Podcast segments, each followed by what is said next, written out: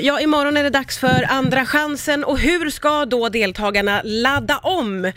Med mig nu har jag två svenska skidlegendarer och mina egna personliga favoriter från tv-programmet Superstars. Det är Anna Haag och det är Emil Jönsson. Hallå! Hej! Hej, hej! Hörni ni, ni sitter ju inne på svaren vad gäller mental träning tänker jag. Hur ska Andra chansen-deltagarna tänka nu när de ska köra en gång till?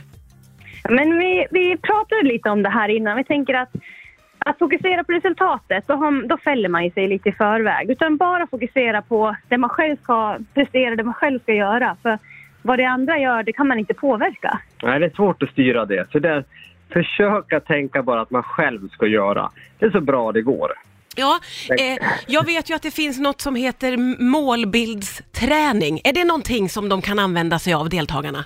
Ja, men man ska ju ha, bygga upp sig med en skön lyckokänsla. Mm. Att det här, det här kommer att bli bra. Det här, shit. Försöka peppa sig lite Att det här är grann. roligt. Ja, för att sen också veta om att man kommer vara nog jäkligt nervös. Ja. Alltså att det är okej, det går inte att stänga av de känslorna. Nej. Så att liksom, jag kommer nog, det här kommer nog bli mentalt jobbigt och jag kommer vara nervös där. Ja. Att liksom, det är en grej av det. Det är okej att må skit.